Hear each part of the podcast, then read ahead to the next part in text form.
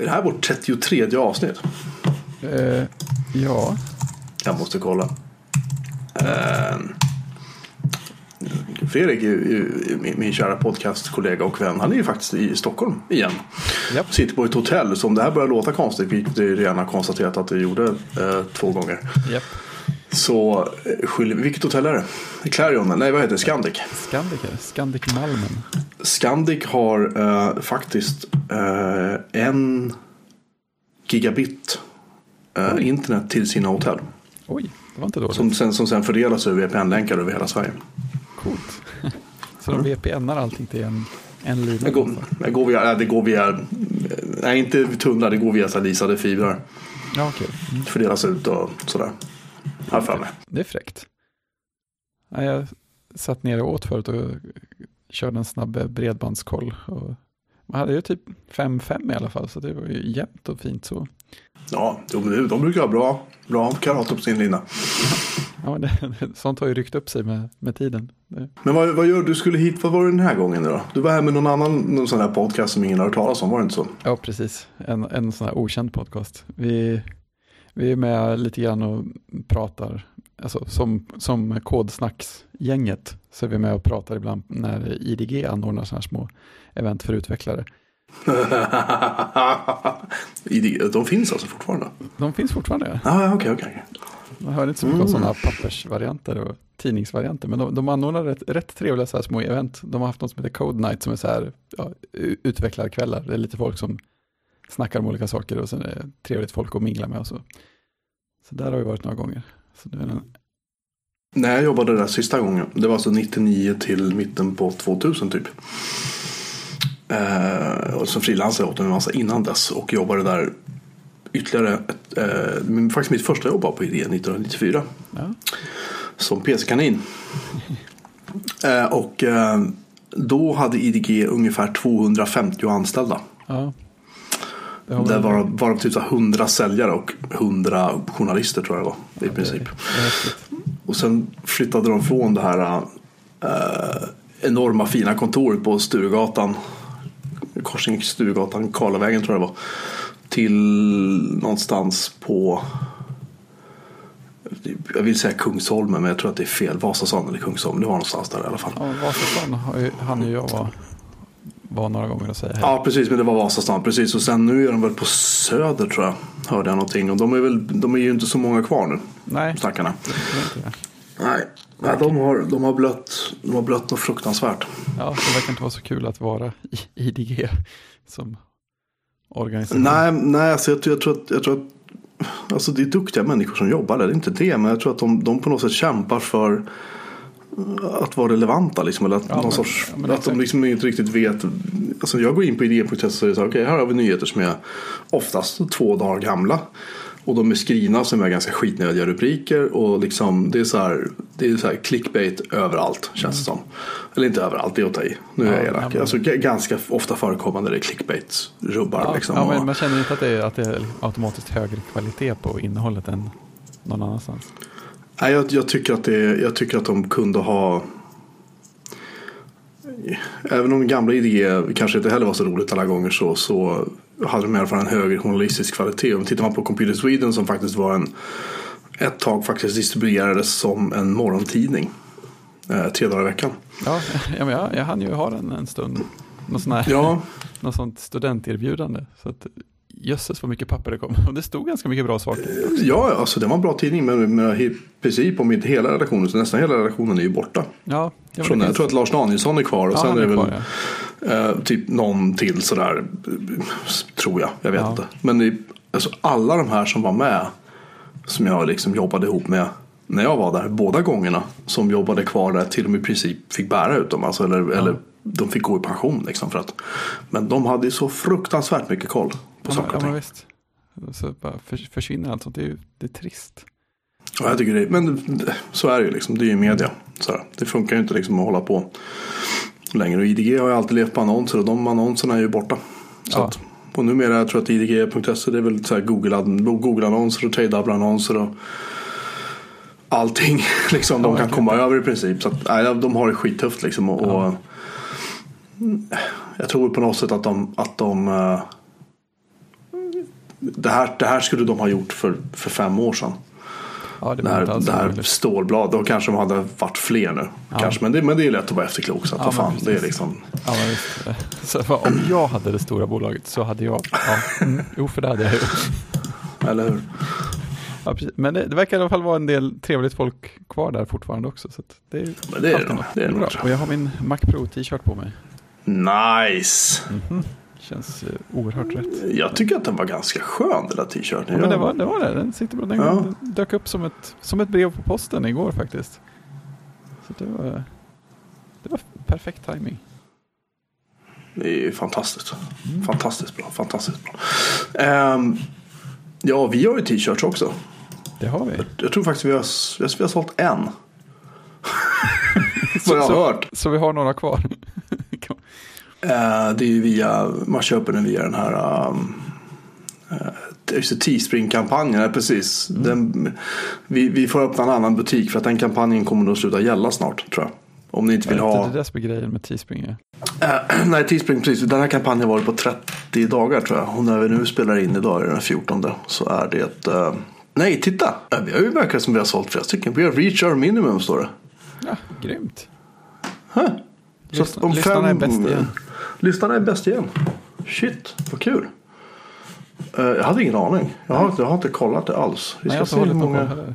ju Nej, det, du har inte kunnat hålla någon koll för det, är på mitt konto. inte det heller. Jag har inte direkt frågat. Campaign, vi ska se här. Ja, vi har sålt, ja. Shit. Ja. Det kommer att bli av. Fräckt. Vad kul. Vad roligt, Eh, ja. Absolut, ja, men jätteroligt. Ehm, och vill ni vara med så var det. För Mm. de här, de här t-shirtarna är grymt bra kvalitet. Faktiskt. Och du bidrar till vår mentala hälsa. Så vi kan köpa mer, så vi kan köpa, så vi kan köpa mer gin och tonic. Just. Vi hymlar inte. Och mentala hälsa. Ja, eller hur? I synnerhet den fysiska. Annars har jag, jag har inte tänkt så mycket på tröjorna för jag har varit fullt upptagen med att följa en Kickstarter-kampanj som tog slut alldeles nyss med god framgång. Så det är, det är, väl, det är väl den viktigaste nyheten i IT-världen nästan den här veckan. Jo, datamagasin Retro. Yahoo! Ja, den gick igenom Ja, med det god marginal. Ja. Den, den hade, eh, nu måste vi kolla här. Nu måste vi, för jag har inte det i minnet riktigt. Det, det, det blev eh, 1014 personer. Har pytsat in 192 936 kronor. Det är underbart. Ja, det är, eh, och målet var ju då 175 000 så att det- det tog en väldig fart sista dygnet skulle jag säga. Ja, det blå, blåste förbi gränsen. ja, det blev fruktansvärt karat det där. Ja, för, ja, för gränsen nådde man väl med ett och ett halvt, två dygn kvar va? Eller något sånt där, högst. Jag tror, att det var, jag tror att det var typ 50 timmar kvar eller någonting. Ja. Så nådde vi, nådde vi liksom gränsen. Så det, var, det var grymt roligt. Ja, Eh, så att vi eh, har väl försökt, vi ska ses den här veckan och ha ett, eh, ett första planerings, riktigt planeringsmöte. Vi har ju haft liksom, vi har stött och blött via, via internet och via liksom mail och chatt och sådär. Har vi liksom pratat om olika saker. Men nu har vi liksom, nu är det dags. Nu har vi, ska vi sätta sidschemat, nu ska vi börja skriva artiklar, lägga ut jobb på frilansare och sådana saker. ja det är Eh, det känns superkul faktiskt. Eh, processen är ju liksom Alltså när man gör tidningar det, det, det är ganska traditionellt och ganska mallstyrt kan man säga. Eh, Det man gör är att man man eh,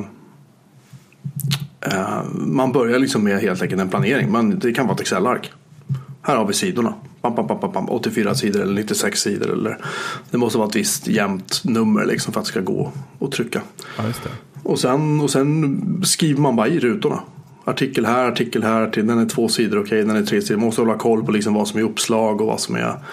Kan man, man färgkoda lite snyggt med olika färger. Men när jag, när jag gjorde tidning, när jag jobbade på datamagasin så då använde vi Excel. Ja, Vi hade mallar för det som vi körde. Ehm, och, sen, och sen är det bara att och, och, alltså kontakta, man planerar in artiklarna och sen så kontaktar man alla frilansare man kan hitta. Som vill skriva. Och um, frågar om de vill ehm, vara med och skriva. Och vill de det och de kanske har kommit in med artiklar med, med idéer själva. Så eh, då sätter man en deadline och säger man så här många tecken. För man mäter nämligen inte antal ord. Utan man mäter antal tecken. Mm. Där en typisk sida i datamagasin kanske är säg 5000 tecken per sida. Mm. Det blir några tecken på ett nummer. Och då är, ja, det blir det. Men då är det också inräknat liksom faktarutor, bilder, bildtexter, rubbar, ja, äh, ingress, underrubbar, sådana saker. Liksom. Um, så summa summarum ska det vara typ 5 till 5 500 tecken per sida. Och så säger man okej, okay, du har 10 000 tecken på dig. Det är typ två sidor. Mm. Uh, sen kan man göra väldigt så här, bild, bildintensiva artiklar. Då är det ju självklart färre tecken. Men då kan man ju hålla på och blåsa upp fina bilder på Amigor eller någonting kanske. Ja, så. så vi, um, där är vi nu. Ja. Och jag kommer att skriva en del, inte allt, tack och lov. Jag kommer att skriva en del. jag, kommer att skriva allt faktiskt. jag kommer, Vi ses i oktober. Ja, precis. Då, då tar jag semester. Nej, men sen så ska jag väl också fungera som en, som en uh, redaktör för hela. Att jag ska, liksom ska korrläsa texter och ja. se till att frilansarna lämnar när de ska lämna och sådana saker. Har du, har du någon, någon så känsla mellan tummen och pekfingret hur mycket jobb det blir för dig? Um, det är det brukar inte vara så fruktansvärt farligt faktiskt. Alltså det, det, det, korrektur går ganska snabbt. Mm. Men alltså, grejen är att du korrekturläser ju egentligen innan du börjar liksom layouta tidningen. Du korrekturläser Word-dokumenten. Ja, ja, och, där, och, så. och sen, sen, skickar, sen skickar man Word-dokumenten till killen som layoutar ihop med bilder och sen så sätter han igång och gör tidningen. Liksom. Mm. Och eh, vi kommer ju använda oss av den, den datamagasinmall som finns idag. Eh, egentligen för att spara pengar. Ja. Alltså det, det, så att vi kommer att använda liksom samma typsnitt och samma Ja, för typsnitt vet jag kommer vara samma. Det kommer vara samma liksom mallar och så. Men sen kanske vi gör något med färgerna. Eller vi, vi får se ja, liksom ja. Vad, vi, vad vi gör. Det, det är lite... Man behöver inte återuppfinna alla hjul. Nej, och sen, och sen menar, vi, vi, vi hade det när jag hade mötet med Anders som, som är chefredaktör som äger tidningen nu för tiden. Så sa vi liksom det att ja men ska vi trycka den på så tabloidpapper och liksom ska vi göra och då, då insåg jag att det hade varit jättekul. Men då hade det inte räckt med 175 000. Då hade Nej. vi liksom behövt ha mer. Ja. Mycket, mycket, mycket mer. Just därför att då ska vi för det första hitta något tryckeri som vill göra det som vi kanske inte har kontakt med det nu. Det kan vara att det tryckeriet de använder kan göra det. Mm. Eller också kan de inte göra det, vet vi liksom inte. Men sen ska det tas fram nya mallar. Ja. Då ska någon sitta och layouta de här. Mallar tar, liksom, det tar ju veckor att göra. Ja, men jag kan tänka mig det. Och det är inget man bara slänger ihop. Då måste man liksom diskutera och liksom känna sig för och sådär. Det, det, det, är en ganska kreativ, som man säger, liksom, nästan, ja, det, det, det är en sån här process som är väldigt spännande. Liksom. Ja, men det kan jag tänka mig. Jag satt och tänkte det att om det hade varit så att det hade varit ett gäng oerfarna människor som dessutom kunde koda som skulle göra det här så hade det börjat med att alla satt så här, ja nu ska vi göra våra egna mallar Ja, och sen ska vi antagligen göra ett verktyg för att bygga de där mallarna också. Och sådär. Ja. Det finns, det finns så, många, så otroligt många steg man bara kan bli kvar i kan jag tänka mig. Ja, det, det, är, det, är, en lång, det är en lång process. Uh, men den, den formen som datamagasin har idag är, alltså den har ju förändrats lite grann genom åren, så är det ju. Men uh, den är i princip samma form som jag var med och tog fram när jag jobbade på datamagasin mellan 2001 och 2005. Jag tror vi gjorde den här formen 2003 eller 2000, jag tror det var 2003. Mm. Satte vi den formen som är idag. Så ehm, ja, det är 13 år sedan drygt. Ja. Den här, men den, den, har den har förändrats lite grann, absolut. Men, men uh, grundmallen är liksom nästan densamma. Och den i sin tur var inte helt olik som den såg ut innan. Nej. Sådär. Jag kan tänka mig att det, är, att det är en del av det som gör att det känns som en, som en viss tidning. Jo men det är det. Alltså, det. Det är tidningens identitet. Och sen IDG hade någonting de kallade för framvagn, mittvagn, bakvagn. Som var liksom ett upplägg där man sa framvagnen det var liksom nyhetsblock. Det var där du hade ett mer hastigare tempo. Det var liksom mer kortare, snabba artiklar. Sen hade du liksom mittvagnen där kunde du ha tester exempelvis reportage, lite längre grejer. Och sen bakvagnen var liksom de här liksom riktigt tunga eh, artiklarna liksom med, med du vet, guider och liksom som i Datamagasinets fall liksom, programmeringsartiklar. Ja, assembler, skola och sånt där. Typ så liksom. Ja. Sen kunde man alltid avsluta det med lite lättsamt med någon så här kul prylplocksida eller alltså den prylplockssidan som de har i, i datamagasin nu. Den, den var, jag tror att det var jag som hittade på den. Jag minns inte men jag har för mig att det var jag som hittade på den eh, när vi införde den 2003. Uh, och det var jag som, var, jag som tog fram prylgrejerna liksom, tills jag slutade där. Ja. Det var, faktiskt, det var nästan det roligaste. Ja, uh, men, sådär, så, men i alla fall, det är liksom IDGs sätt att göra det på. Det, det på något sätt har färgat väldigt mycket hur man gör den här typen av tidningar. Alltså, ja. För många som har varit på IDG har sen gått vidare till andra förlag och jobbat på exempelvis datamagasin. Ja. Jag, var från, jag var från IDG och jag hade en, två kollegor som kom från IDG när vi jobbade där. Och sen var det, alltså, de, de finns överallt. Ja, precis. Gamla IDG-erna. Nej, men så att, så att äh, ja. Det, det, är väl i princip processen och sen när man har layoutat den klart så går man upp och skriver man ut allting och så gör man en sista korr. Och när det är klart så har man pdf som man laddar upp med typ FTP eller någonting till ett tryckeri. Och sen trycker de. Då gör man liksom tryckfärdiga pdf som är tokfeta. Just det. Och sen kör man. Och ja. sen så kommer det där utskickat. Ja, gissningsvis löst gissat någonstans framåt september eller? Uh, det är väl, väldigt löst gissat väldigt ska jag säga. Ska jag gissa slutet av augusti, början, mitten på september. Det vet, vi vet inte när vi Nej. får trycka ännu. Nej, det är inte... Nej, det, det är inte liksom, vi väntar på besked från tryckeriet. Ja, ja men det har ju stått med i Kickstarten också. Ja. Tydligt. Så att, men, men det är så här, det kommer. Ja. Och det kommer att bli bra. Ja, det kommer bli grymt. Eh, det kommer bli grymt bra. Bara en sån sak som att, att Pontus Berg som faktiskt hade demodagsspalten i, i demodagssidorna i datamagasin. Han kommer att vara med och testa Commodore 64 spel oh. från från nutid, från nutid alltså. Oh, det här är ju fantastiskt redan. Uh, och jag var ju och träffade, som jag nämnde tidigare, jag träffade ju Erik Lundevall bland annat som uh, var med och startade Datamagasin en gång i tiden. Så han kommer mm. jag göra en intervju med och ja, en bunt andra människor liksom, som, jag, som vi har fått tag i. Sådär. Mm. Uh, Moderna 64-spel, alltså det ska bli spännande. Ja, det kommer att bli liksom allt, allt möjligt. Och det, jag ska upp till, till Suga och titta. De har ju massa spännande gamla Amiga-prototyper som de sitter på. så vi ska ta bilder på och skriva lite om. Och vi ska göra lite reportage om föreningen där. Och skriva lite grann om andra föreningar. Eh, som sent om sidor har vaknat till liv när de upptäckte att vi skulle göra det här. Underbart. Eh, kanske på grund av att jag, lite dumt med att jag skrev att, att uh, Suga var Sveriges enda, enda levande, enda levande Amiga-förening. Det fick man inte göra. Nej, det, det, det är klockrent. Ibland behöver folk en liten puff sådär. Att, ah, det, var. Det, det, var väl, det var, väl, det var, liksom kanske, det var väl kanske dumt på ett sätt. Men samtidigt känner jag som att det är de som är mest, mest aktiva fortfarande. De, de ger ut en tidning, de har en lokal, de har liksom, ja, det händer ja. grejer där liksom på något vis. Ja, Um, och sen hjälper det ju, ja, tyvärr får man väl säga, det hjälper att de finns här i Stockholm. Det, där där ja, vi finns, det, liksom, där vi som gör tidningen. Väldigt svårt för oss att åka till så här Karlskrona eller någonting för att ja, göra ett reportage alltså, med en Amiga-förening i några timmar. Det, liksom. det är bara ett faktum. Inte, inte ja, det, det, är ju, det är ju tyvärr så. Sen, sen är det ju, vad jag vet så är Suga de enda som har det. Kanske någon till. Syntax Terror tror jag heter. De har också en lokal i, jag tror att det är Karlskrona. Uh, men Suga har ju annars en lokal. Men liksom, det är också sådär med det är en Amiga-förening och anno 2016 liksom, som, som uh, ska ha en lokal att betala för. Liksom. Det, alltså, det är inte ja, helt är inte enkelt. Lätt. Nej, verkligen inte. Så att, uh, respekt till de som lever även, även om de inte har en lokal. Ja men verkligen. Ska vi säga. Uh, men vi, vi, får se. Vi har fått in massor med, med kul tips och uh, glada tillrop och uh, allt mellan himmel och jord. Folk tycker mm. att vi ska skriva om när de har upptäckt att det här gick igenom. Så ja, nu, nu, nu är helt plötsligt intresset jättestort. Och det är väl ja. kanske så det är med Kickstarter. Jag vet inte, jag har aldrig varit med och liksom jobbat nej, med jag, Kickstarter förut. Nej, jag har aldrig sett den på så, så här nära håll heller. De där stora Double Fine Adventure Kickstarten följer jag ju.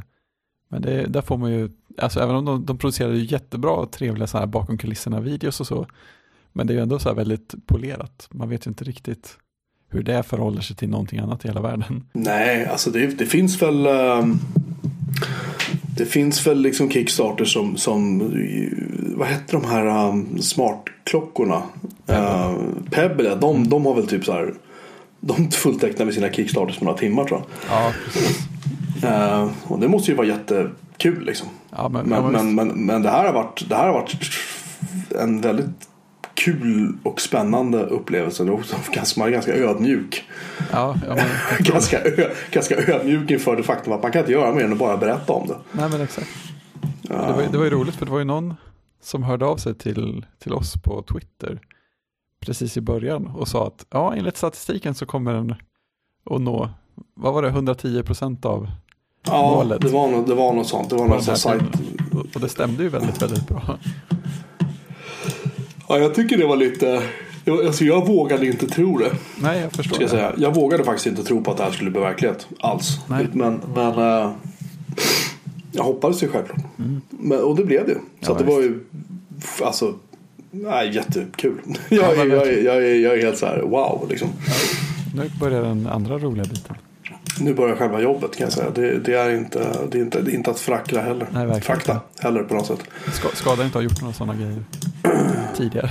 Det är, det, är klart att det, det är klart att det hjälper att vi alla som är inblandade på ett eller annat sätt har jobbat med, med liksom artiklar eller jobbat liksom som journalister på något sätt. Eller med, med tidningsproduktion. Vi känner varandra sedan gammalt. Men Anders har ju jobbat har ju liksom suttit bredvid och jobbat alltså, sen 2001 fram till 2005 och sen har vi liksom varit kompisar sedan dess. Så menar, vi känner ju varandra sedan många år tillbaka. Ja, det måste bli enormt mycket effektivare process så här än vad det hade varit. Människor som inte hade jobbat ihop tidigare eller inte jobbat lika mycket med tidigare. Ja, jag menar sen, sen ska man ju inte heller Alltså det här blir väldigt speciellt för mig att skriva därför att nu får jag skriva någonting som jag tycker är väldigt, väldigt roligt. Ja, Eh, det är klart att det finns en deadline, det är klart att det- ska vara proffsigt och bra. Men det är liksom inte som att när man satt och gjorde det här på heltid. tvungen. Vilket, vilket, ja, vilket visserligen var liksom också kul. Men då hade du så här många sidor varje månad. Ja, De, de ska du fylla med Ja, någonting. Och då, då var det bara att var det bara att köra liksom. ja, visst, men det har en så x antal år av idéer att sålla bland. Alltså, ja, alltså man, det trista var att man styrdes ju väldigt mycket utifrån eh, alltså vad, jag som jag var testredaktör då först så styrdes jag väldigt mycket utifrån liksom, när stora lanseringar kom. Och det, jag vet inte om jag nämnde tidigare men det gick ju väldigt mycket i cykler insåg jag efter något år eller två att Skrivarna kom alltid precis efter sommaren och sen började vi närma oss jul. Då kom det liksom lite mer prylar och lite lalala. Sen kom januari, då hände ingenting. Och sen kom februari och så började det kanske ta lite fart. Sen kom mars, då började det komma så här, jag vet inte, skärmar kanske. Ja, Du vet, jag minns ju skrivarna var alltid det. Det var alltid efter sommaren så kom de. de här, för det är ju så, om, om, de inte, om du inte lyckas lansera innan typ mitten på juni. Då ligger du lågt till i princip slutet på augusti liksom. Då kommer ingenting. nej, det är rimligt så. Och sen var det alltid de här på våren var det alltid Cebit-mässan som vi åkte. Jag åkte, jag tror jag var på Cebit-mässan fem eller sex gånger. Det var stort kan man säga. Gud, aldrig mer. Jag åker aldrig mer dit. Den är, mindre, den är mindre nu än vad den var då har jag förstått. Men jag åker ändå inte dit igen. Nej, jag kan förstå det. Nej, Jag jag har några kompisar som åkte dit några gånger. Ja, Det var, så, det var så svårt att få ut något. Alltså, det gick bussar mellan mässhallarna. Man tyckte Ja. först att vi kan väl gå. Men sen efter ett tag var det bara så att en mässhall där, det var ju lika stort som Stockholmsmässan var på den tiden. Ja, Det var alltså helt och då menar jag hela Stockholmsmässan, eller Älvsjömässan som den kallas för. Alltså det var fruktansvärt stort. Det var liksom, Du kunde komma in i en hall som var Det kunde, det kunde ta liksom en kvart att gå rakt igenom den. Om du inte stannade på vägen. Och gick raskt. Och det, och, det, och det var en hall där det bara var datorchassin. ja, ja, precis. Bara. Och det satt liksom i monter efter monter efter monter satt det så här rökande asiater. Jag kommer ihåg, jag kommer ihåg och jag, det här är inte, inte, inte några rasister så, men de satt verkligen där långt bak i montern och satt de där typ och drack någonting. Det var gissningsvis var det sprit liksom. Och så rökte de och rökte och så gick man fram dit och då stod det alltid en tjej vid en liten så här, disk, receptionsdisk i montern. Och så tänkte jag så här, men jag har ingen aning vilka de här, vilka de här är. Men va, jag går in och kollar. Liksom, för tänkte, Ja. Jag är här för att jag ska rapportera något. Och de hade lite så intressanta grejer. Det var någon så här Alltså mini ITX-lådor. Typ shuttle fast liksom Ja, ja. något annat. Så jag gick in dit. Eh, och så, så, så hej på engelska. Och hon pratar engelska. Så sa hej hej. Ja, vi är här från för att visa upp min pressbricka då. Och Ja. liksom. Hon frågade om jag hade ett, ett visitkort och gav henne visitkortet. Och så gick jag in och så tog hon det och så vände hon sig och så gick hon in. Lämnade kortet till de här två killarna som satt där inne och rökte. Tittade på kortet, tittade på mig. Skakade lite grann på huvudet. Och sen kom hon tillbaka och sa bara They are busy, sa hon. Okej. Jag sa tack och så gick jag bara. Jag tänkte Ja. Vad fine. De var, de var inte intresserade av att träffa media. De var intresserade av att någon skulle kliva in dit och göra en gigantisk order på deras lådor. Sen Ja. kunde de åka hem. Ja, Sen var de klara liksom. så bara och väntade in det. Och så gick de på det här, äh, hette det München eller Halle tror jag det hette. Det låg som en sån här, du vet, ölstu, gigantisk öllada där mitt på, Förstås. eh, mitt på Cebit-området. Det var ju Löwenbrau var det som sponsrade det där. förstås. och, och där inne var det ju, där körde, det var ju två stycken tyska band som körde du vet, diverse så här festlåtar. Ja, hela tiden. Eh, precis. Uh, Living Next Door till Sally har jag väl starka minnen av fortfarande. Eh, och och fo- folk, folk flätade girlanger av servetterna och liksom pappersservetterna och de där gick över hela, alltså du vet det var så stort liksom. Och just de här eh, många asiater då som inte riktigt var vana vid att kröka på det här sättet. De spårade ju ur fullständigt när de, när de började få i sig lite för mycket. Och det gjorde vi varenda år. Så det var, ja, det var roligt. Ja. Stora grejer. Det var roligt, roliga minnen ändå. Men jag kommer ihåg typ fjärde året var det så här. Ah, ska du vara liksom på München? Jag bara nej. jag, jag går till hotellet för jag vet hur det här kommer att sluta. Liksom. Ja, Jag har ingen som, lust. det var ju något var för, för något år eller två sedan när kändes det som, i alla fall för mig utanför, som att det var ett helt gäng journalister samtidigt som skrev om CES, den här i Las Vegas. Ja, just det. Och de skrev allihop om, bara om hur hemskt det var att vara där. Hur dåligt man mådde och man var bakis. Och det var bara folk överallt och hur stort som helst. Det känns som att det finns en tydlig koppling där. Mässor som blir stora, stora, stora. Suger livet ur en till slut. Alltså, man, man kan åka till en sån här mässa med, med väldigt olika syften. Man kan åka dit för att man är journalist och ska rapportera. Man kan åka dit för att man ska knyta kontakter. Man kan åka dit för att man bara ska hänga. Liksom. Bara Ja. att kanske ha några möten man ska ha, planerade grejer. Ehm, eller också åker man bara dit bara, bara för att festa. Liksom. Så Ja. att, eh, jag vet inte. Jag, jag, var ju där, jag var ju där för att jag ville jobba. Jag tog, jag tog det här på allvar. Alla år när jag var där. Liksom. Men jag märkte att jag tror att sista året jag var nere. Alltså jag, var så väldigt, jag var så blasé. För jag kände bara att shit jag har sett allt det här nu. Ja, och folk är likadana. Jag kommer, jag kommer bara som en parentes. Jag kommer ihåg första året. Jag var helt grön. kommer Och så åkte jag ner. Då, var det, då jobbade jag på, jobbade på nätverk och kommunikation fortfarande. Och då fick jag Nej, förlåt. Nej, jag var, jag var på datamagasin då. Tror, jo, jag var på datamagasin. Det var första året på datamagasin. Och vi hade inte råd att, att eh, flyga ner oss. Ja, Så vi fick åka tåg. Kul. Och då hade de stängt av centralstationen i Berlin. Så vi fick hoppa av i en sån förort. Och åka en sån här gammal vet, Östtyskland tunnelbana typ in till Berlin. Och det var ju spännande men problemet att sen skulle vi hem också. Ja, Så då fick vi alltså ta motsvarande tunnelbana ut till samma förort igen. Och kliva av och så fick vi stå där i Jag tror det var en timme. Och det var så gamla Öst, Östtyskland liksom. Ja. Och stå och vänta på ett tåg som skulle ta oss till Sverige. Och det var, vi tänkte att men jodå, efter nästan precis en timme så kom det här Intercity-tåget som skulle upp, SJ som skulle upp. Och sen åkte, sen åkte vi färja över. såklart. Ja, det var fruktansvärt. Just- Nej, förlåt. Året innan dess var ännu värre. För då var jag nerbjuden. Då jobbade jag på nätverk och kommunikation. Förlåt. Och då blev jag ner. Då fick vi faktiskt åka flyg ner. Eh, Det var det ett företag som hette Rico tror jag som gör. Jag tror de gör kopiatorer och sånt Ja, där. de. Det gör de. De hade bjudit ner oss dit. Och vi var ju väldigt tacksamma över det. Ja, det är klart. Men vad, de, vad vi inte visste var att de förutsatte att vi skulle hänga i deras monter då i dagarna två eller Ja. tre. Så vi satt där typ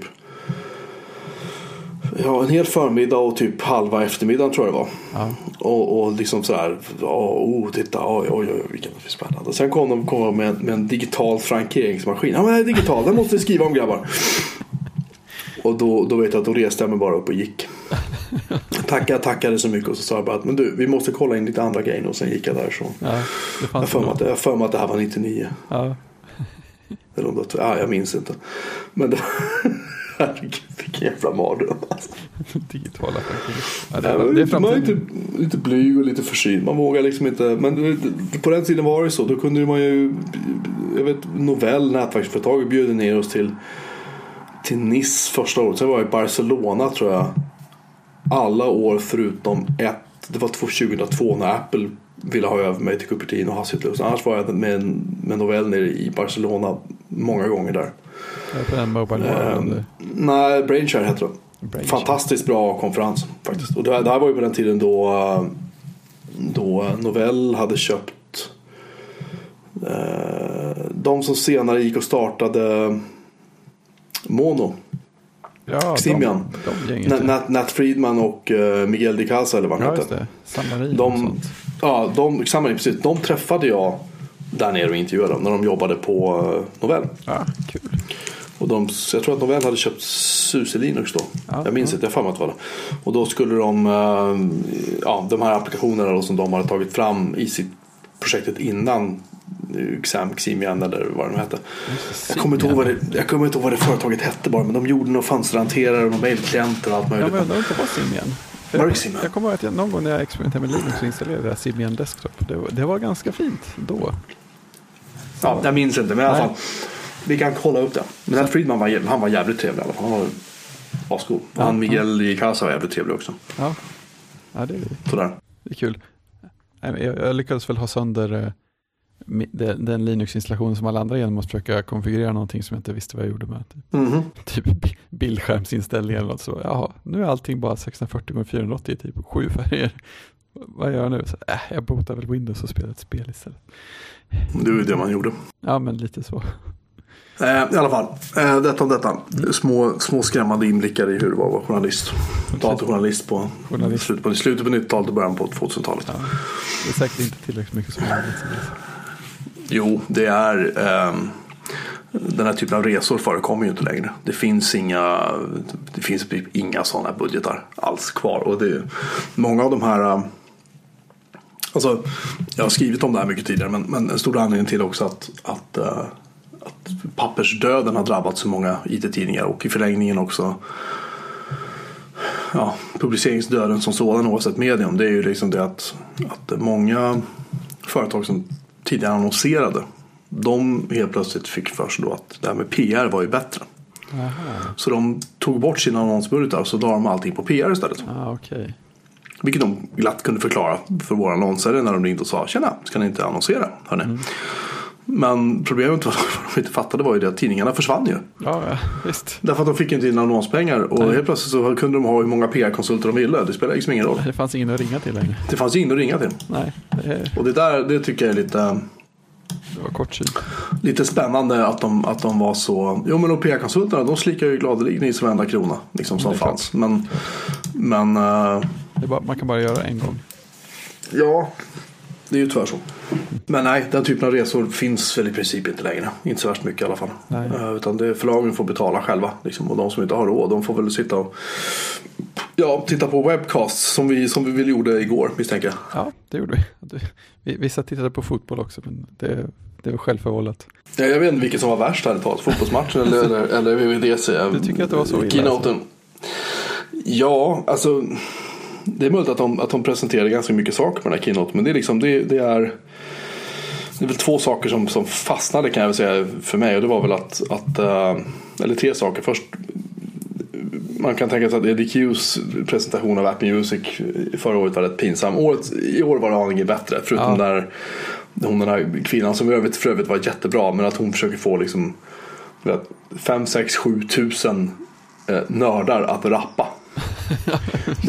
liksom, rappa i Rappers Delight, en låt som de flesta av dem nog inte har, antingen inte hört, var i alla fall inte födda när den kom ut. Liksom. Nej, precis. Jag, jag gillar att de tog en låt med låttexter så, så, som är riktigt jäkla lång. Det är perfekt. Det blir någon extra skämt på det. Så nu, nu kör vi låttexten. Um, nej, nej, men det, sagt, det, det, det, det, var det, det var det negativa. Sen tycker jag, ja, Apple Watch blir snabbare. Yay. Och sen det här, om du har en Apple Watch så kan du faktiskt um, låsa upp din Mac. Ja, just det. Det tyckte jag var fint. Och sen efteråt visade det sig också att vi har ett nytt filsystem. Ja, det är ju häftigt. Det är ju väldigt häftigt. Ja, jag vet inte vilken ordning vi ska börja. Kan inte du berätta liksom vad som hände lite grann? För jag, jag var lite grann i en koma igår om jag ska vara Ja, på, på alla möjliga sätt. Eh, ja, först åt vi pizza och drack öl. Nej, vänta nu. Keynoten var det. först. först. det, det var i och för sig en rolig grej. Enda, enda, så här, eh, enda twitchen som var på, på liveströmmen när vi tittade på den var precis när eh, Tim bad alla vara med en tyst stund för eh, Orlando-offren. Det, det får jag flika in. Jag tyckte det var väldigt fint. Ja, det var, absolut. Han, han, han verkade genuint upprörd. Ja, men, ja, men verkligen. Det är, en sån, det är en sån grej som Tim Cook kan göra bäst i världen nästan. Hur bra som helst. Men, men det, var, det, blev, det blev eh, lite fånigt för att precis då så fick strömmen ett hack så att den hoppade tillbaka till när han kom in på scen till en massa applåder. Så det var som en tyst minut och sen så direkt så här, applåder och så kommer han in en gång till och säger samma sak. Jag, jag, jag, tyckte att, jag tyckte dock, jag reagerade på det, att ja, han var väldigt allvarlig och väldigt så här, liksom, och i och med att han själv är homosexuell så är det klart att det, det här så, jag, jag, kunde, jag tror inte man kan låta bli att tänka sig att det här kanske betyder lite extra mycket för honom. Och det, ja, det tycker jag, jag har inga synpunkter på överhuvudtaget. Men det jag tyckte var väldigt, blev lite jobbigt var så här att han är väldigt allvarlig. Ska hålla sig tyst minut. Och sen när den tysta minuten är över så är det tack. Och så är det bara åh vi har en fantastisk vecka. Oj oj oj. Och så blir han så här helt jätteglad. Man är så här, men vänta nu. Ja, det, är det, är klart att vi ska, det. det är klart att vi inte ska lägga som en sordin tråkig stämning liksom på, på hela det här. Men jag kände att de kunde ha haft någon liten film emellan eller någonting bara för att bryta. Ja, det, bara, det kändes som att det där blev Ja, det kan jag vet. Ja, men ja, mm, nu när du säger det håller jag, håller jag med. Det, det hade funkat med någonting däremellan. För Ja, det kan jag känna. Det kan jag känna. Ja, eh, sen, sen pratade han en stund om eh, hur viktigt det var med utvecklare. Och då fick jag hö höga förhoppningar för resten av keynoten. Det, det gick väl över sen. Men, ja, de, de gick över ganska omgående va? Ja, ja sen kom de tillbaka lite ett varv. Men, eh, ja, men det var ju väldigt, väldigt mycket keynote med väldigt många olika saker. Eh, de gick ju igenom alla, alla sina OS Eh, hur var ordningen nu? Det var TVOS först va? Nej, var det inte klockan först? Ja, just det. WatchOS var det först. Snabbare klocka. Snabbare klocka. Ja, och så var det typ någon, någonting. Man kunde växla, du kunde växla apparna med så här, som swipa precis som du gör i iOS. Och det, det, som iOS 8 såg ut, mind you. Inte iOS 9 app, swatch, app eh, switchar. Nej, just det. Just det. Nej, de var en, en liten docka. Och det verkar som att applikationer som, som man, man lägger själv applikationer i dockan och de kommer att hamna i någon slags privilegierat läge där de ligger mer aktiva i minnet och därför kan eh, ge live-information. Så att när man drar runt bland eh, apparna i dockan så är de eh, levande och uppdaterade så man ska slippa vänta på saker. Och jag blev nyfiken på hur, om det är så att en del av den här, för de sa att det skulle gå upp, vara upp till sju gånger snabbare och och starta en app och sådana grejer. det, det, är välkommet. Ja, nej, men precis. Men jag, jag, jag började fundera på så här, hur, mycket, hur mycket minne har en Apple Watch av dagens modell och hur, mycket mer effekt kommer det bli sen? Kommer det att komma en eh, hårdvaruuppdatering till hösten som har mycket mer minne och gör det här, att det att det blir riktigt, riktigt mycket bättre. Ja, ja. det tror jag är ofrånkomligt helt och hållet. Mm. Det, här, det, här är, det, här, det här är ett operativsystem för nästa version av Apple Watch, det är det. Mm. Och samtidigt är det liksom på något sätt, ska man säga, eh, det här är egentligen version 2 av WatchOS. Ja. Ja, men som, som jag ser det. Ja, då, det, här är, det, här är, det här är inte version 3 utan det här, det här är så här, okej, okay, nu fixar vi det. Ja, och det, det känns ju som att eh, de, har ju de verkar ha varit rätt öppna för att ändra på typ allting. För att de har ju bytt funktion på den här sidoknappen som bara tog fram de här väncirklarna från början. Mm. Den tar ju fram docken nu, så nu har man ju, det är lite som hemknappen på, på iOS eller så. Och sen så har de gjort så att man kan, man, svep, man kan svepa uppåt för att få control center, var det så, och neråt för att få ja, not notiser typ. Så att det, det påminner ju mycket mer om de andra OSen. Ja, och det, det, det välkomnar jag mm. verkligen. Jag tycker det ska bli väldigt, väldigt um det ska bli väldigt fräscht. Liksom. Ja, och sen de... Men jag, ja förlåt, men jag ska bara säga att, jag, jag, att de gör det här också i mångt och mycket därför att, att de vill göra det eh, applikationsstarter snabbare. Ja, det är ju därför att folk använder inga applikationer på klockorna. Nej, precis. Så att, så att liksom, den, den i korrelation med um, de här nya policyn som de har i App Store. Ja. Uh, pratade vi om det förra veckan? Nej, det kommer ju precis efter. Det kommer det, ja. Uh, förlåt, just det. Um, men jag tror att det, de två hänger ihop väldigt mycket. Att de, de vill sparka igång, de vill bibehålla en hög, en hög inflöde, ett högt inflöde av appar för iOS och stimulera utvecklare som ska utveckla för iPad och få igång applikationsplattformen för Apple Watch och kanske också för Apple TV. Ja men precis, uh, förhoppningarna. Och jag, jag tror att det är synnerhet för Apple Watch för det här är, liksom, det här är deras, det här och Apple TV är deras nästa två stora applikationsplattformar. Ja, ja precis det är förhoppningen. De hade återuppfunnit eh, graffiti också, det tyckte jag. Det all, ja. alltid roligt. Ja, det, det, det blir säkert jättekul. antingen, antingen blir det ganska nyttigt tänker jag, eller också blir det jättedåligt. Det, det beror väl lite på. Jag hoppas att inte Siri ska in och komma med sådana här korrigeringsförslag när man skriver. Apple TV, vad var det där? De hade... Det var mer, mer Siri, eller lite mer Siri i alla fall. Det skulle komma till, på svenska i höst såg jag någonstans. Ja, ah, var det så? Ja, mm. För de nämnde väl några få... Nej, nu blandar jag ihop med Apple Pay. De nämnde inga språk alls Nej, då. De sa ingenting om det. Nej. Men jag såg att svenska skulle komma i höst någon gång. Mm. Uh, så det blir nice.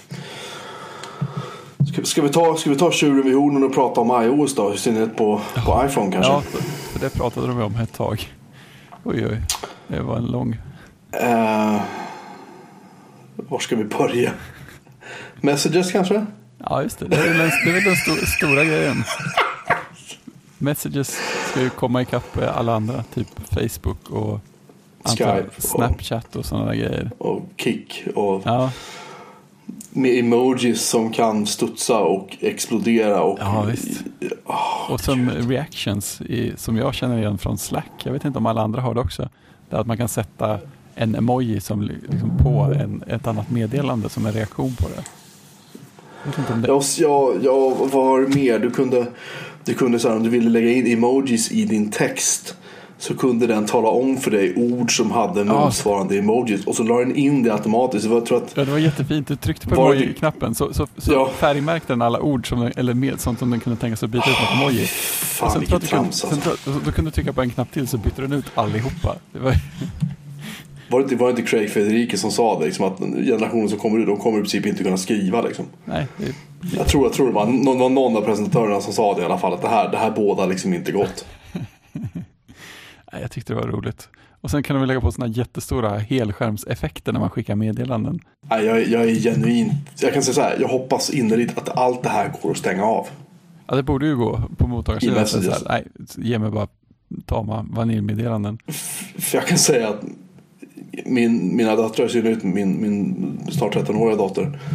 Hon, hon gillar ju att lägga in emojis. Mm. Liksom. Och, och, alltså, oh, gud. Jag kan se framför mig hur hennes meddelande kommer att se ut med iOS 10. Liksom. Precis. Jag hörde en liten diskussion där de undrade om den här, den här ersätt text med emoji-funktionen. Vem den är bra för. ja, det undrar jag också. För, eh, alltså, är det för att lära folk som inte använder emoji nu att, att använda dem? sen kom jag på att det finns ju en fördel till där, att man kan ju upptäcka nya emojis som man inte har tänkt på att använda innan. För med den här kan ju säga, att ja, du skrev det här ordet, du skulle kunna ha eh, choklad och vaniljglass eh, med jordnötter-emojin här istället. Det, det, hade jag aldrig tänkt på att den fanns innan. Speciellt inte som säkert är jätte, jättelångt bort i emoji-bläddraren om man ska få fram den. Nej, det, det må så vara, men det förutsätter också att du ska gilla emoji. Och jag tycker, jag, ja, det... som, jag, som jag är en tråkig gammal fjärt jag tycker emoji är fullständigt, alltså det är meningslöst. Ja, men det finns alltså, ju det lägret också. De, de tror jag inte att man vinner med några, några medel. Mer än att kunna slå av grejerna på Jag ska. Den bästa emojin som finns, det finns i Skype. Och det är du skriver parentes penguin slutparentes. Så får du en liten Linux-pingvin som hoppar fram och tillbaka. Han ja, dansar på ett ben ett tag fram och tillbaka.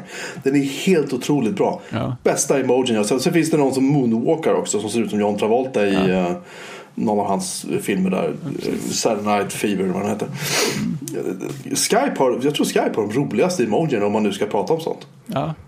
Apples tycker jag bara, alltså det, känns, det, känns, det här känns som en grej som ska tilltala eh, ungdomar. Att de vill att plattformen kanske ska kännas hipp igen. Och det här känns som en grej som jag tror kan bli väldigt poppis, typ Kina kanske. Kan jag tänka ja, men, mig att det, skulle, det här skulle vara häftigt? Ja men grejen är att det här är ju mycket för att komma ifatt andra meddelandeappar.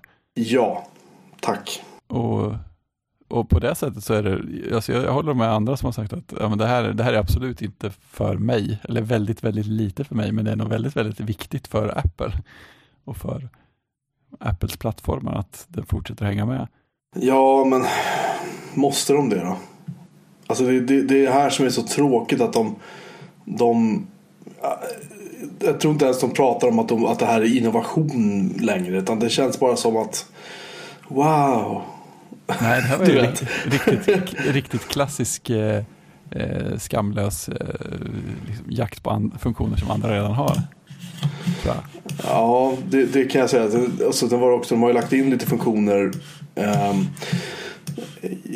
min kompis Viktor som, som vi hörde lite av i avsnitt nummer 30. Ja. När, när vi hade vår grill, eh, spela spel, dricka alkohol podcast. Han påpekade för mig att, att Apple har börjat låna väldigt mycket, eller har lånat väldigt mycket genom årens lopp från applikationer som har krävt jailbreaks. Ja, just det. Och bland annat så finns det en sajt som heter Byte SM, eller en applikation som heter Byte SMS. Mm. Där vi har eh, De har en massa coola grejer. Alltså, men de har, man känner igen några så är det så här notification opt-out. Där kan man då blockera exempelvis ett nummer. Eh, ja, de har massa funktioner i alla fall. Några av dem kan man säga har väl halkat in där. Mm. Han har en del andra exempel också som jag tar framför mig just nu. Just, just hur de liksom sådär eh, ja, Varifrån de hämtar idéer? De har hämtat liksom idéer, exempelvis det här med Uh, Night Shift? Heter, ja, Night Shift har de ju tagit. Virtual Home fanns det en som hette man kan uh, tappa bara på touch ID-knappen för att gå till hemskärm exempelvis på, på, uh, ah. på iPhone. Jag vet inte ah. om det finns men han har bättre koll på det här än vad jag har. Men i alla fall. Ah. sen kan man ju historiskt mest, någon som kommer ihåg konfabulator. Ja just det. Eh, gjorde ju widgets även kallade då. Ja. Eh, den fanns för Windows. Sen kom ju Apple då med widgets i det var 10.4 eller 10.5 tror jag. 10.4 kanske. Ja, ganska kort efter kom Ja, och den dog ju. Och sen var det ju eh, sen 10.7 eller 10.8 så började Apple totalt skita i widgets liksom. Ja. Det är lite under att det, dashboardskärmen finns ju fortfarande kvar. Nej, jag vet inte hur man får fram den. Nej, jag, jag... Jag ska se om jag kan hitta. Uh, där. Nej. Uh... Dashboard som område? Mm, nej, det finns Jag har dashboard av. Så kan ja. jag, det finns i mission control-inställningarna i systeminställningar så kan du välja om dashboard ska vara av, om det ska vara som ett område eller som ett överlägg. Uh, mission control. Var har jag mitt område då? As overlay. Så, hur startar man F12? Med ny volymknapp, så det blir svårt. Uh. Visa dashboard ja. Ja, om jag högerklickar på desktopen nu så kan jag få upp widgetarna. Och de ser alltså likadana ut som de har gjort sedan det släpptes. Ja. Det är ju helt det är ju pinsamt. Alltså, det är ju så synd att de inte har. Jag kommer ihåg, det här var ju the shit liksom. Ja, det, är, att... det, är ju, titta, det är ju samma det är samma grejer fortfarande. Hur ser Contacts ut då? Nu ska vi se. Ja, jag, tror, jag tror att det, det, stora bidraget som Widgets har gjort i världen var att vi fick något sån här jag vet inte om det var kanske Canvas-elementet i HTML5 som Apple började med för att kunna rita finare widgets med HTML. Men det är ja, nog, det kanske det var. Det är, nog, det är nog det största som vi gör. Nej, jag vet Det blev deprimerad. Jag tyckte det här, jag tyckte det här var skit. Jag tyckte konfabulator var fantastiskt häftigt när det ja, kom. Det, var, det hade det var... så mycket coola grejer alltså. Ja visst, det var ju jätte... Um, vad var det mer? Fanns det inte någon applikation som var någon sökfunktion? Så den kom väl Apple med sitt Sherlock va? Ja, just det. Det var därav, Watson. Därav, ja, Watson, tack. Precis så var det. Och därav det som nu har blivit ett verb, att man blir Sherlock. I alla fall, Apple är inte så mycket för innovation, det har de sig aldrig varit. Men Apple är inte så mycket för innovation, de är mera för ta det som finns och gör det bättre bara, helt enkelt. Och det, det tycker jag är okej. Okay. Men ja, nu känns det som att de inte riktigt... Det känns som att de har torkat ihop lite. Jag är, miss, jag är missnöjd varenda år efter varenda ja, keynote som har varit de senaste åren. Det ska jag medge liksom. Du har en tydlig linje där, det får man säga. Jo men, jo, men, jo, men det är så här, som jag, som jag skrev, jag tror jag skrev det till dig igår när vi satt och chattade om det. Det var så här. Jag går och väntar på något. Mm. Varenda år så tänker jag att i år ska det komma en, jag vet inte, en, en skärm, en ny Mac Pro, en, en någonting som känns lite roligare än jag vet inte, emojis som studsar och blö, trams. Ja. Alltså för mig är det där bara trams. Um, något som är på nivån nytt filsystem fast på något annat område. Något ja, och det, ja, och, ja, och det pratar de inte ens om. Det är ju Nej. fantastiskt jätteviktigt och det pratar de inte ens om. Nej. Ah. Alltså, jag, jag, jag, jag, tycker att uh, alltså, det känns som att det fanns massa intressanta saker här men uh, de alla bara kommer bort i varandra och i att uh, fokusen ligger på att pusha sånt som ser häftigt ut utåt och som, inte, som är för ja, andra målgrupper än, än mig. Det, det, det, jag tycker är, det jag tycker är synd, här, VVDC förr i tiden var eh, ett forum för Apple att prata med utvecklare och keynotesen var liksom, de var lite mer tekniktunga. Så. Mm. De kunde visa så här, här, har vi komp här kompilerar vi någonting. Men när de lanserade Swift för var det två år sedan då var det så här, ah, de står faktiskt programmerar på scenen på VVD. Så det var så här, ah, okej, okay, bra. Ja. Men nu känns det som att det är Tim Cook berättar hur viktiga utvecklare är. Och sen är det en timme och 45 minuter av Helt andra saker. Eh, liksom, ja. äh, äh, allt från Sugar, Sugar Hill Gang till mm. emojis till liksom. Ja. Och sen kommer utveckling sista kvarten. Just det. Där vi faktiskt visat att vi får en Swift, ett Swift-utvecklingsverktyg för iPad. Men yep. Kan du berätta vad det är? Kan, kan du kompilera saker eller är det bara en playground? Eh, nej, alltså det är, eh, ja, den kompilerar ju saker och, och det är en playground. Alltså det är ju, man kan säga att de har byggt en, en väldigt, eh, alltså inte, inte kanske begränsad, men väldigt nischad utvecklingsmiljö som går att köra på iPad och standardupplägget är att du har kod eller, eller kod och information och annat till vänster och sen har du det som syns när man kör koden till höger. Eh, och det de visade upp var ju i princip programmeringsövningar för den som inte kan programmera men vill lära sig som börjar på en väldigt enkel nivå med att du har en liten 3D-värld till höger och sen har du en figur som du ska genom att, genom att skriva, skriva kod eller skapa kod få att göra vissa saker. Du ska få den att gå framåt fem steg och hämta en diamant i så första Ja, just det, men det såg, det såg jag. Och sen så, sen, så, sen så går det att bygga ut därifrån. Eh, jag har börjat kolla på deras eh, Platform State of the Union. Det är den andra keynoten på VVDC som, handlar bara, som är verkligen är riktad till utvecklare. Och där visade de mer av eh, det här Playgrounds-upplägget. Och man kan skriva kod precis som i Xcode där. Och du kan, du kan dra in vilka bibliotek du vill. Du kan, du kan dra in hela UI-kit och skriva ja, hela applikationer, även om det, miljön är inte riktigt gjord för att kanske hantera hur stora projekt som helst, liksom rent bekvämlighetsmässigt, men det går att göra. Du, du är inte begränsad i vad du kan skriva för någonting där. Så det, det, är ju det är ju häftigt. Okej, okay, men, men om jag då skriver någon kod till det där, vad gör jag med det sen då?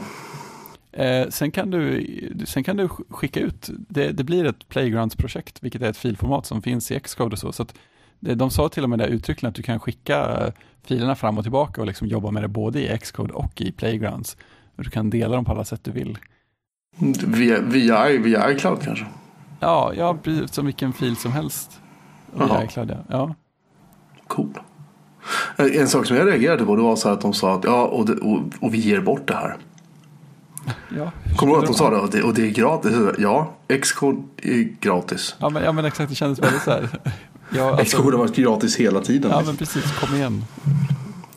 Jag undrar om det är så. För Xcode har väl alltid varit gratis? Så länge, så länge jag kan minnas i alla fall. Ja, jag undrar det där, därför att GCC ingår ju. Ja. Det är nog därför de inte får sälja det. Så kanske det kan vara. Det, det, vore, det, vore, det vore ju genuint, förlåt jag avbryter, men det vore genuint dumt att ta betalt för det. Det är i och för sig, ja, Microsoft har ju kunnat göra det i alla år. Men... Ja. Ja, men precis, det känns som att förr i tiden så var det väl, man, det känns som att man fick jobba lite mer för att hitta Xcode, men det har aldrig kostat pengar vad jag minns. Mm, nej, så kan det nog vara. Ja, jag tyckte bara det var en liten löjlig kommentar. Så oh, själva hur generösa Ja, vi är. Det är ja, så men men hallå, Och syftet är att vi ska få, här, ja, vi att vi ska få fler att programmera, fler att använda iPad till någonting professionellt. Och så ja, bara, exakt, och, och, här, just det, precis den grejen, att ja, men vi ska använda utbildning, så det är gratis för alla skolbarn. Mm, alla skolbarn med en eh, 6 000 kronors iPad. Just det. typ så. Men, men det kan ni köpa från vem som helst. Eh, Vilk, vilka krav har de på hårdvaran för det där? Har det kommit fram någonting? jag har inte ens försökt kolla, jag tror inte det. Eh, jag tror att de bara har sagt en iPad rätt upp och ner. Men jag skulle kunna tänka mig att det är småkrävande.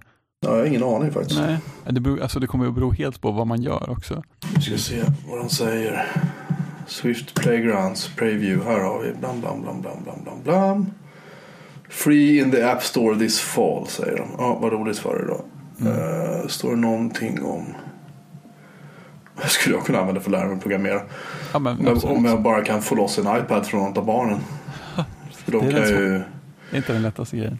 kyssa med månaden efter. Det står faktiskt inga hårdvarukrav. Så jag antar att om den, ja, om den, om det är en iPad som stöds så. Och jag antar att iOS 10 kommer att krävas. Men, Ja, det är väl en rimlig gissning. ja. Ehm, ja, i alla fall. Det får vi återkomma till när det släpps. Jag antar att om du inte...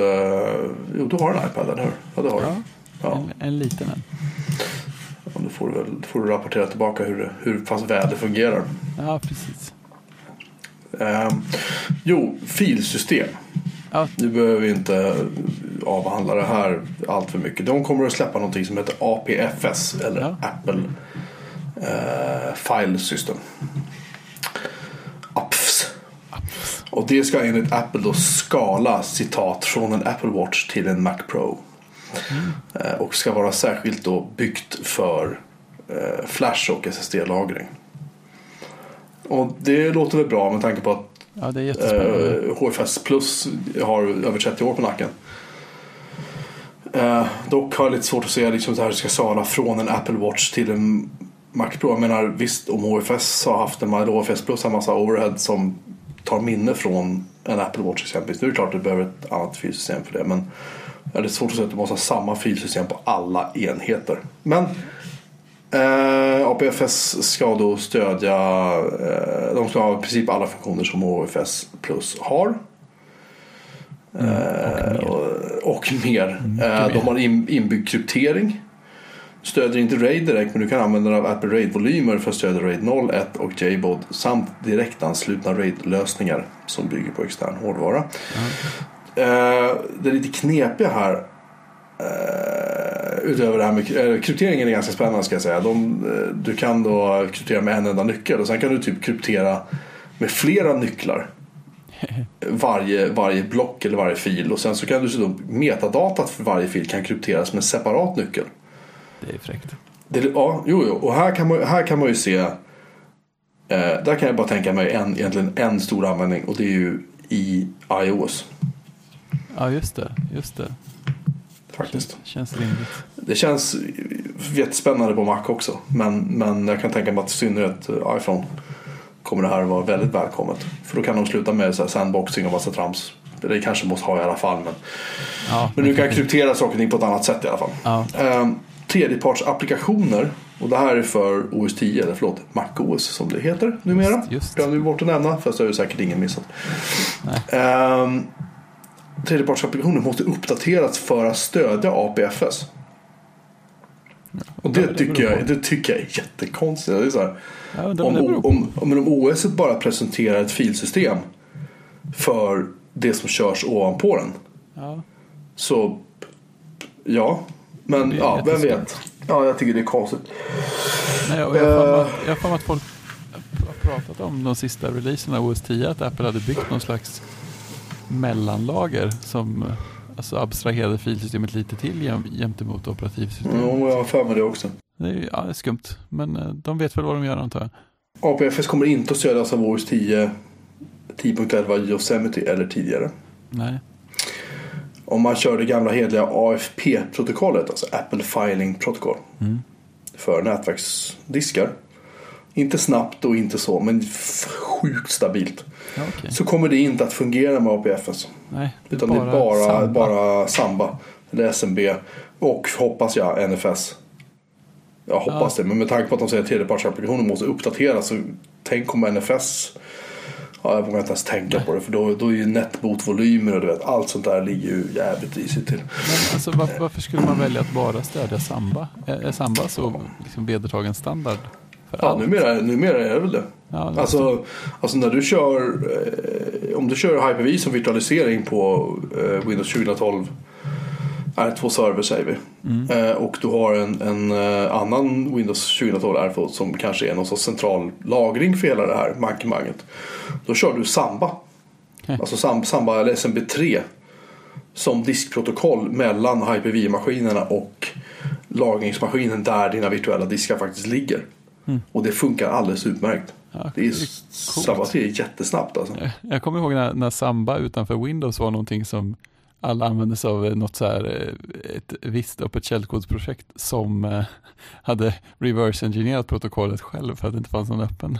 Ja, jo Så då. det har och, hänt lite grann sedan dess. och Microsoft höll på att uppdatera det där hela tiden i Windows för att det skulle sluta, för att det skulle paja liksom. Ja, just det. Så det kommer en ny service pack och ändrar de någonting.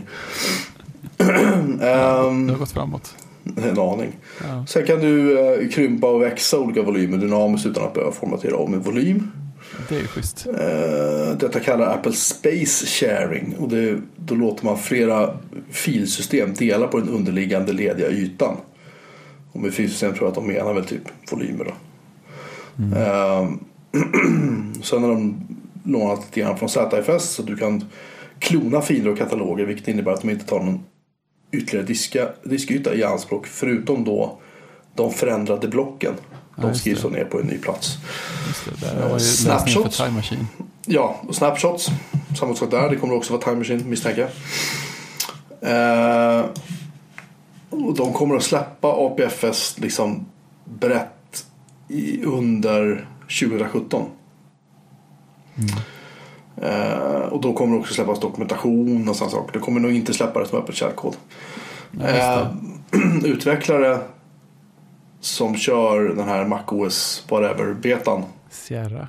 Sierra, tack. Alltså, jag kan inte här namnen. Jag hänger inte med längre. Eh, då eh, så kan man inte använda av, det är så här, du, jag vet inte vad man ska ha det till, men du kan inte använda det som uppstartsdisk. Du kan inte använda det för Time Machine, File Vault eller Fusion Drive.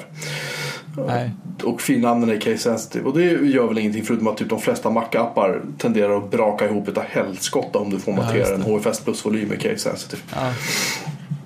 Det är konstigt att det ens, stöd, att ens man får göra det. Det måste finnas något läge då man faktiskt har nytta av det, men jag har aldrig Ja. hört talas om det. Nej, då är vi två. Ja. Sen så, ja det var väl det hela faktiskt. Eh, när det gäller just uh, APFS. Det, det ska, jag tycker det verkar skitkul. Eh, Ja, men visst, det blir grymt. Jag hoppas så innerligt att det blir bättre än HFS plus. För att i takt med Ja. att datamängderna ökar nu så det, det är inte roligt längre Nej. faktiskt. Ja, men ju mer man hör om HFS plus, eller varje gång jag hör om det så känns blir lite så här förvånad att någonting funkar alls. Eh, ja, just, men just som sagt när det blir sådana datamängder som man har. Alltså när du har så fruktansvärt mycket filer idag. Alltså HFS, som sagt, HFS Plus var ju liksom inte byggt för att du skulle ha så miljoner av filer. Liksom. Alltså Nej. HFS Plus kan jag väl där på sätt och vis tänka mig. Jag menar, det fanns en anledning till att Apple gärna ville ha ZFS i samband med 10.5. Ja, det var Redan då, redan då kan jag tänka mig att de började se att, liksom, att det, här, det här håller på att barka åt helskotta. Liksom. Ja. Det, det fungerar liksom inte längre. Eh, men eh, ja, ja. den som, den som lever får se som det så vackert heter. Ja. Man kan gå in och formatera sin disk om man vill. Man kan bara inte ha den till någonting. Nej, alltså grejen är att i och med att det här är ett filsystem som är högst eh, som är väldigt liksom experimentellt fortfarande så det är ju då så att man kanske ska du vet, Nej, använda det här till någonting riktigt liksom. Det, det, vore nog väldigt, det vore nog väldigt dumt. ja, Tror tror, du kan inte time machine backup och sånt heller. Massa Nej, nej, det är ju just det. Du kan ju, du kan ju inte backa där. Du kan inte backa där på något sätt. Liksom. Alltså, Nej. så, utan det, om du inte kopierar filerna rakt av. Och sen kan man fråga sig mycket av det här med kloning och snapshots. Om det ens är implementerat än. Det, det, det får vi ju se. Liksom. Det, Ja, det lär ju folk börja med prata om. och med tanke på att det här är alltså ett filsystem som är under utveckling. Det är ju ingen, det är ingen lek. Liksom. Det är Nej. inget som man bara så här. Ja, vad roligt. Det, det är nog viktiga är nog att de som, de som gör program för att säkerhetskopiera diskar och sånt där, de, de börjar nog nu. Eh, ja, och jag kan, jag kan väl som sagt känna att filsystem är som jag sa, det är ingenting man betatestar. Det är liksom ingenting man säger, ja vad kul. Nej, Nej precis. Jag, jag, bet, jag, jag körde Filevault en gång i en beta av OS 10 och det gör jag aldrig om så länge Nej, jag det- lever. Nej, det låter inte som en bra grej. Det brakade hårt. Men det var också så här lustigt, för visst, visst kom nyheten om filsystemet plus faktiskt dokumentationen, kom den strax innan keynoten? Nej, Eller den, ja, jag vet. Jag hittade den efteråt. Jag såg att, att Gruber twittrade om att APFS nytt filsystem. Jag tänkte att det här är ju ett skämt. Men det var det ju inte. Och sen så um, skrev jag först en kortare nyhet eh, på MacPro jag, jag avslutade artikeln med någonting i stil med att ja, mer information finns inte just nu. Mm. Eh, Vilket eh, andra sajter tycks ha eh, låtit sig inspireras av hos Harkel. Eh, Och sen så tänkte jag att men vänta nu, vi kollar ju, vi kollar ju, vi går in på developer.apple.com och så kollar vi utveckling, alltså utvecklar Ja. dokumentation och bara ser vad säger de där. Ja. Och mycket rykte fanns det ju. Ja, det stod ju ganska mycket till och med. Ja. Det gjorde ju det. Och det är ju det, det, är det jag liksom har citerat ifrån. Jag länkar ju till det också i, Ja, ja visst. i, eh, i nyheten. Så att, på MacPro. Så att jag, det, det, jag tyckte det var kul. Och det, men i den här dokumentationen så omnämns ju inte, det är inte MacOS utan det är eh, OS X 10.12 står det där. Ja. Och det gör att jag undrar om det här, det här lär i alla fall vara skrivet långt innan VVDC. Men jag undrar om kan vara så att det inte publicerades förrän efter. Nej, just det. Jag tittar här, det är första rubriken står till och med att Apple File System is a new modern file system for iOS OS 10, tvOS Ja. och WatchOS. Ja, det är det jag menar. Att jag tror att de... eh, Jag tror att de... eh, Vad heter det? Att det här har funnits ett tag. Men de har Ja, bara liksom inte... De har bara liksom inte pratat om det. Nej, det har de lyckats. Mm, de är ganska bra på att inte läcka information om eh, ren mjukvara nu för tiden. Ja, det är de verkligen. För det, här, det, var, det var några mer grejer som jag vet att jag sa till någon annan när vi kollade på keynoten att alltså det här är en stor grej och det här har inte läckt överhuvudtaget. Nej, Spännande. Nej det, är, det är lite cool. Vad fan, det kan jag inte högklicka någonstans. Så nu får jag upp den där... eh, Vad gör du? Nu får jag upp... Nu får jag upp... Uh, vad fan är det? Dashboard. Jaha, Off. Så. Så, där. Tack. Ja, förlåt. Eh, ja, nej i alla fall. Jag, jag, tycker, jag tycker på hela taget så kändes det här som en... Blä. ja, men MacOS fick ju picture in picture stöd. We...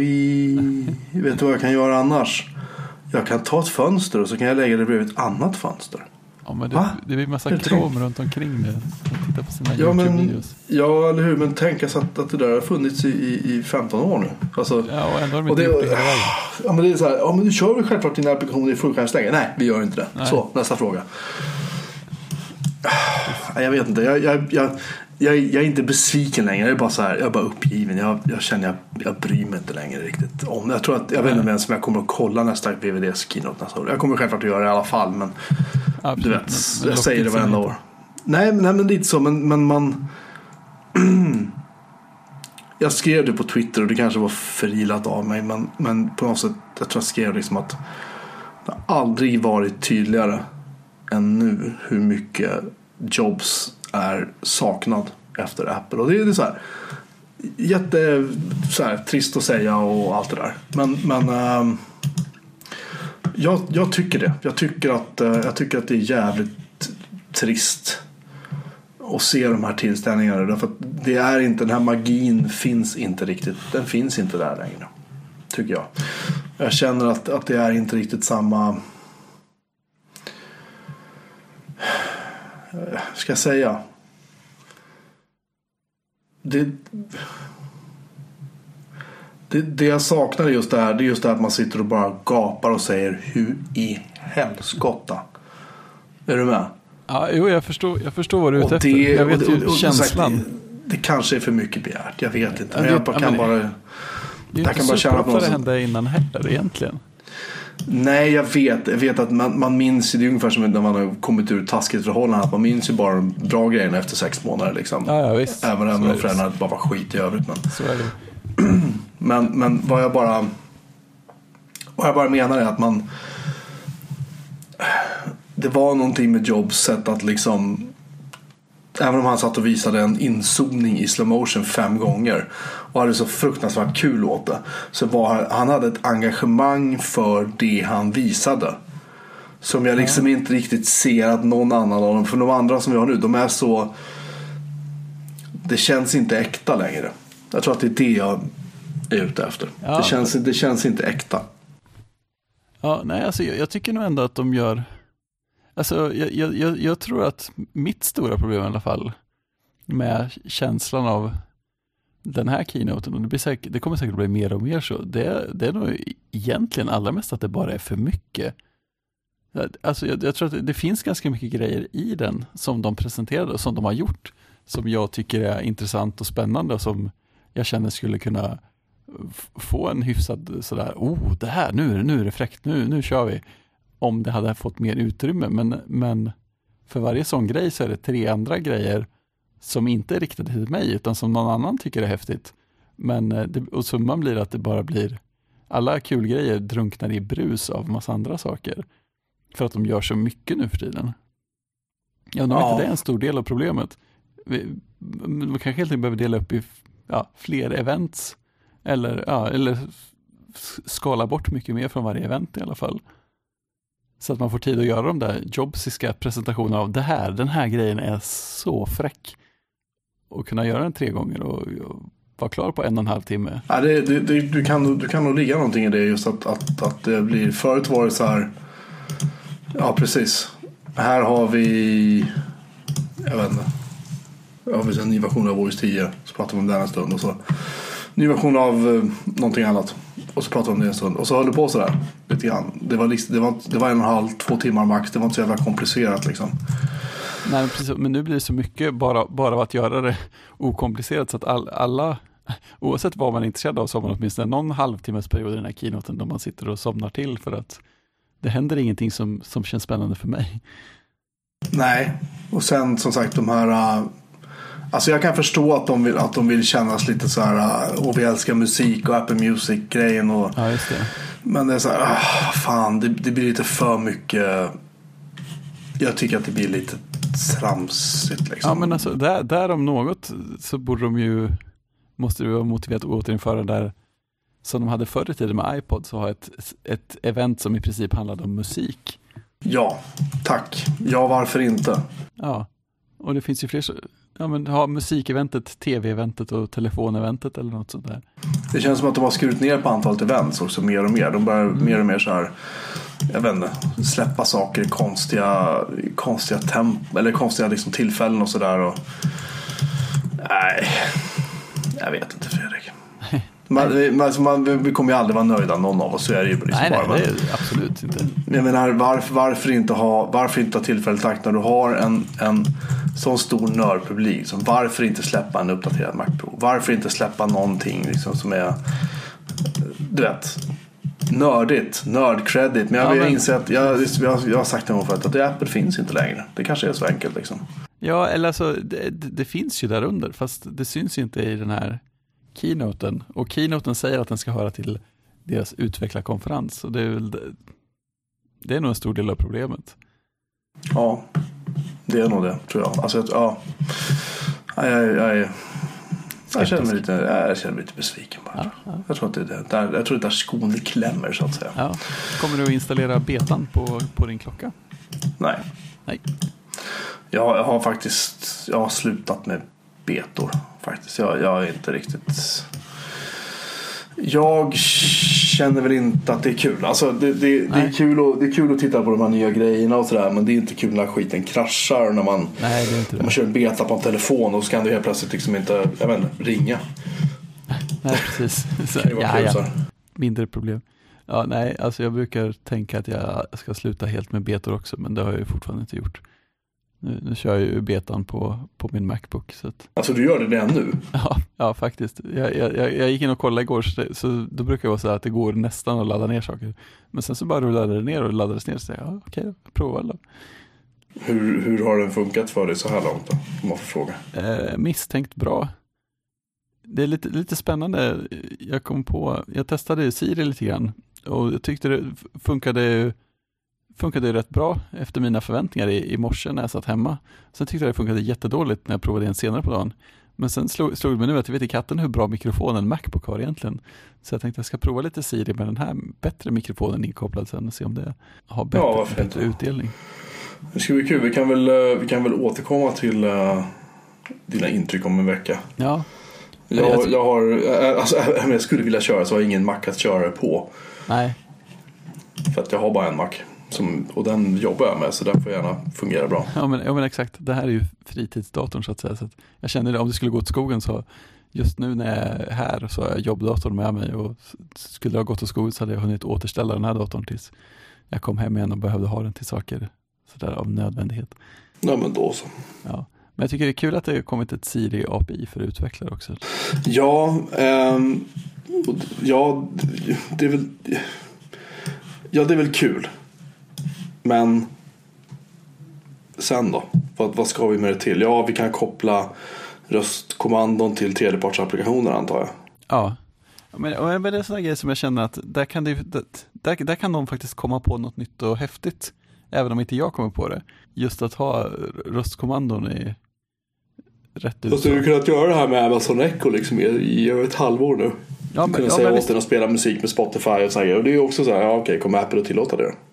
Ja, men alltså de har ju, de har ju, de har ju sl- släppt API nu. De har, jag hann se lite grann om det på State of the Union-keynoten. Och det är ju, Ja. det är ju, det är ju lika öppet som andra API som Okej, så det är, inte så, att- det är inte så att de kommer lägga fingrarna emellan här, typ Spotify eller någon annan Nej, nej, kommer det, och vill? nej, utan det är så. Du, All right. Siri kör, gör sin grej och du bidrar med information så hjälper den att tolka och sen så får du det tolkade resultatet. Och sen så, sen så gör du dina kommandon och ger din feedback till användaren. All right. Och du kan anpassa det till om, om liksom du visar Siri med ett GUI eller om det är handsfree i bilen och sådär. Så att det, det, verkar, det verkar väldigt öppet och fritt. Som, som man vill att det ska vara. Så, att, så att jag känner att det, men det, kan hända, det skulle kunna hända häftiga saker med det. Speciellt då eftersom man har hört om folk som använder Amazon Echo och tycker att ja, men det, det funkar ju jättebra och det blir bara häftigare och häftigare för att det kommer nya grejer och så. Och det är för att de har ett åtminstone halvöppet API till Echon. Ja, de, ja, de, ja, de uppmuntrar ju tredjepartsutvecklare liksom till att... Ja men precis. Och de skickar ut så här mail till folk att den här veckan så har eh, Echo lärt sig den här grejen. Nu kan du säga det här också. Det är ju ballt. Ja men det, kan- det kan bli något fräckt i alla fall. Det, det kan mycket väl bli ingenting också. Det har ju hänt förr. Ja, ja, sagt HomeKit har man ju väntat på i ett Ja. tag nu att det ska ta fart och det har ju inte hänt flaska liksom. Så Nej, nej, verkligen inte. Ja, jag vet inte. Nej. Ehm, det här med App Store då, det kan vi riva av lite snabbt också. Ehm, efter, om man har, de har slagit på så här prenumerationsabonnemang nu för väl i princip alla om jag förstod det rätt. Ja, de var lite otydliga med sina formuleringar. Så folk blev lite tveksamma så. Lite, Ja, ja. okej, var ganska mycket. ja ganska mycket ja. Med, med, med flit förstod jag. Ja, precis. De ska, de ska tydligen, de sa själva att de inte riktigt visste än. Nej, de skulle prata med folk nu under veckan och komma med ett svar, förnyat, förnyat svar senare. Så att, eh, ja, det, det skulle kunna bli bra. Och sen så när du har kunder som prenumererar, de har prenumererat ett år så får du väl eh, 85% av intäkterna istället för 70 va? Ja, precis. Så det är också trevligt. Och eh, vad var det mer? Ja, du, du, du kan ju, det kommer finnas eh, annonserat, eller sponsrat, eh, sponsrade placeringar i App Store i Just sökresultaten. Just det, och det skulle göras vid någon sorts realtidsaktioner alla Google typ eller Ja, AdWords. om jag det, ja, rätt. det lät så. Ja. Eh, ja, jag vet inte. Varför inte? ja, vad var den tredje grejen nu då? Det var priserna, det var prenumerationer. Eh, och så var det... Ja, nej, jag vet inte. Ja, just det, det fanns mycket. Kanske inte var något mer. Det fanns olika priser för olika regioner. om man vill. Så var det, just det. Det skulle, det skulle vara någon sorts bättre koppling till lokala valutor och sådana saker om jag förstod det rätt. Eh, Och det är ju bra att de... Sådär, alltså det märks att de... Jo, de har snabbare, just snabbare testtider också var det ju. Det. Eh, Men, men det, märks, det märks ju helt klart att de, att de gärna de vill gärna få lite Alltså jag undrar om de har börjat se en trend av att det kanske börjar stanna av lite grann det här applikationsutvecklingen för, eh, för iOS. Att det, alltså, och sen tror jag också återigen att de vill nog gärna få lite bättre fart på det här för iPad. För att där, där, har de, där har de ont alltså. De, ja, men det är kul att de börjar känna det också. Att de faktiskt känner att de behöver rycka upp sig. Ja. De har ju kunnat fått för sig lite innan, just speciellt kring App Store, så att ja, Apple tycker nog att det går ganska bra. På de sätt de tittar så verkar det gå jättebra, så därför bryr de sig inte så mycket som man skulle vilja att de gjorde.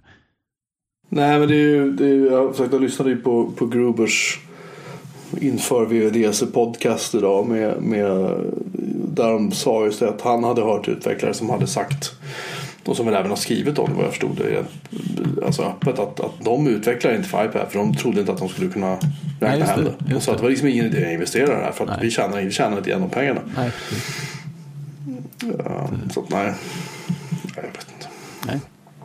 Nej, Mac OS Sierra alltså. Just det. Du säger att det är bra alltså.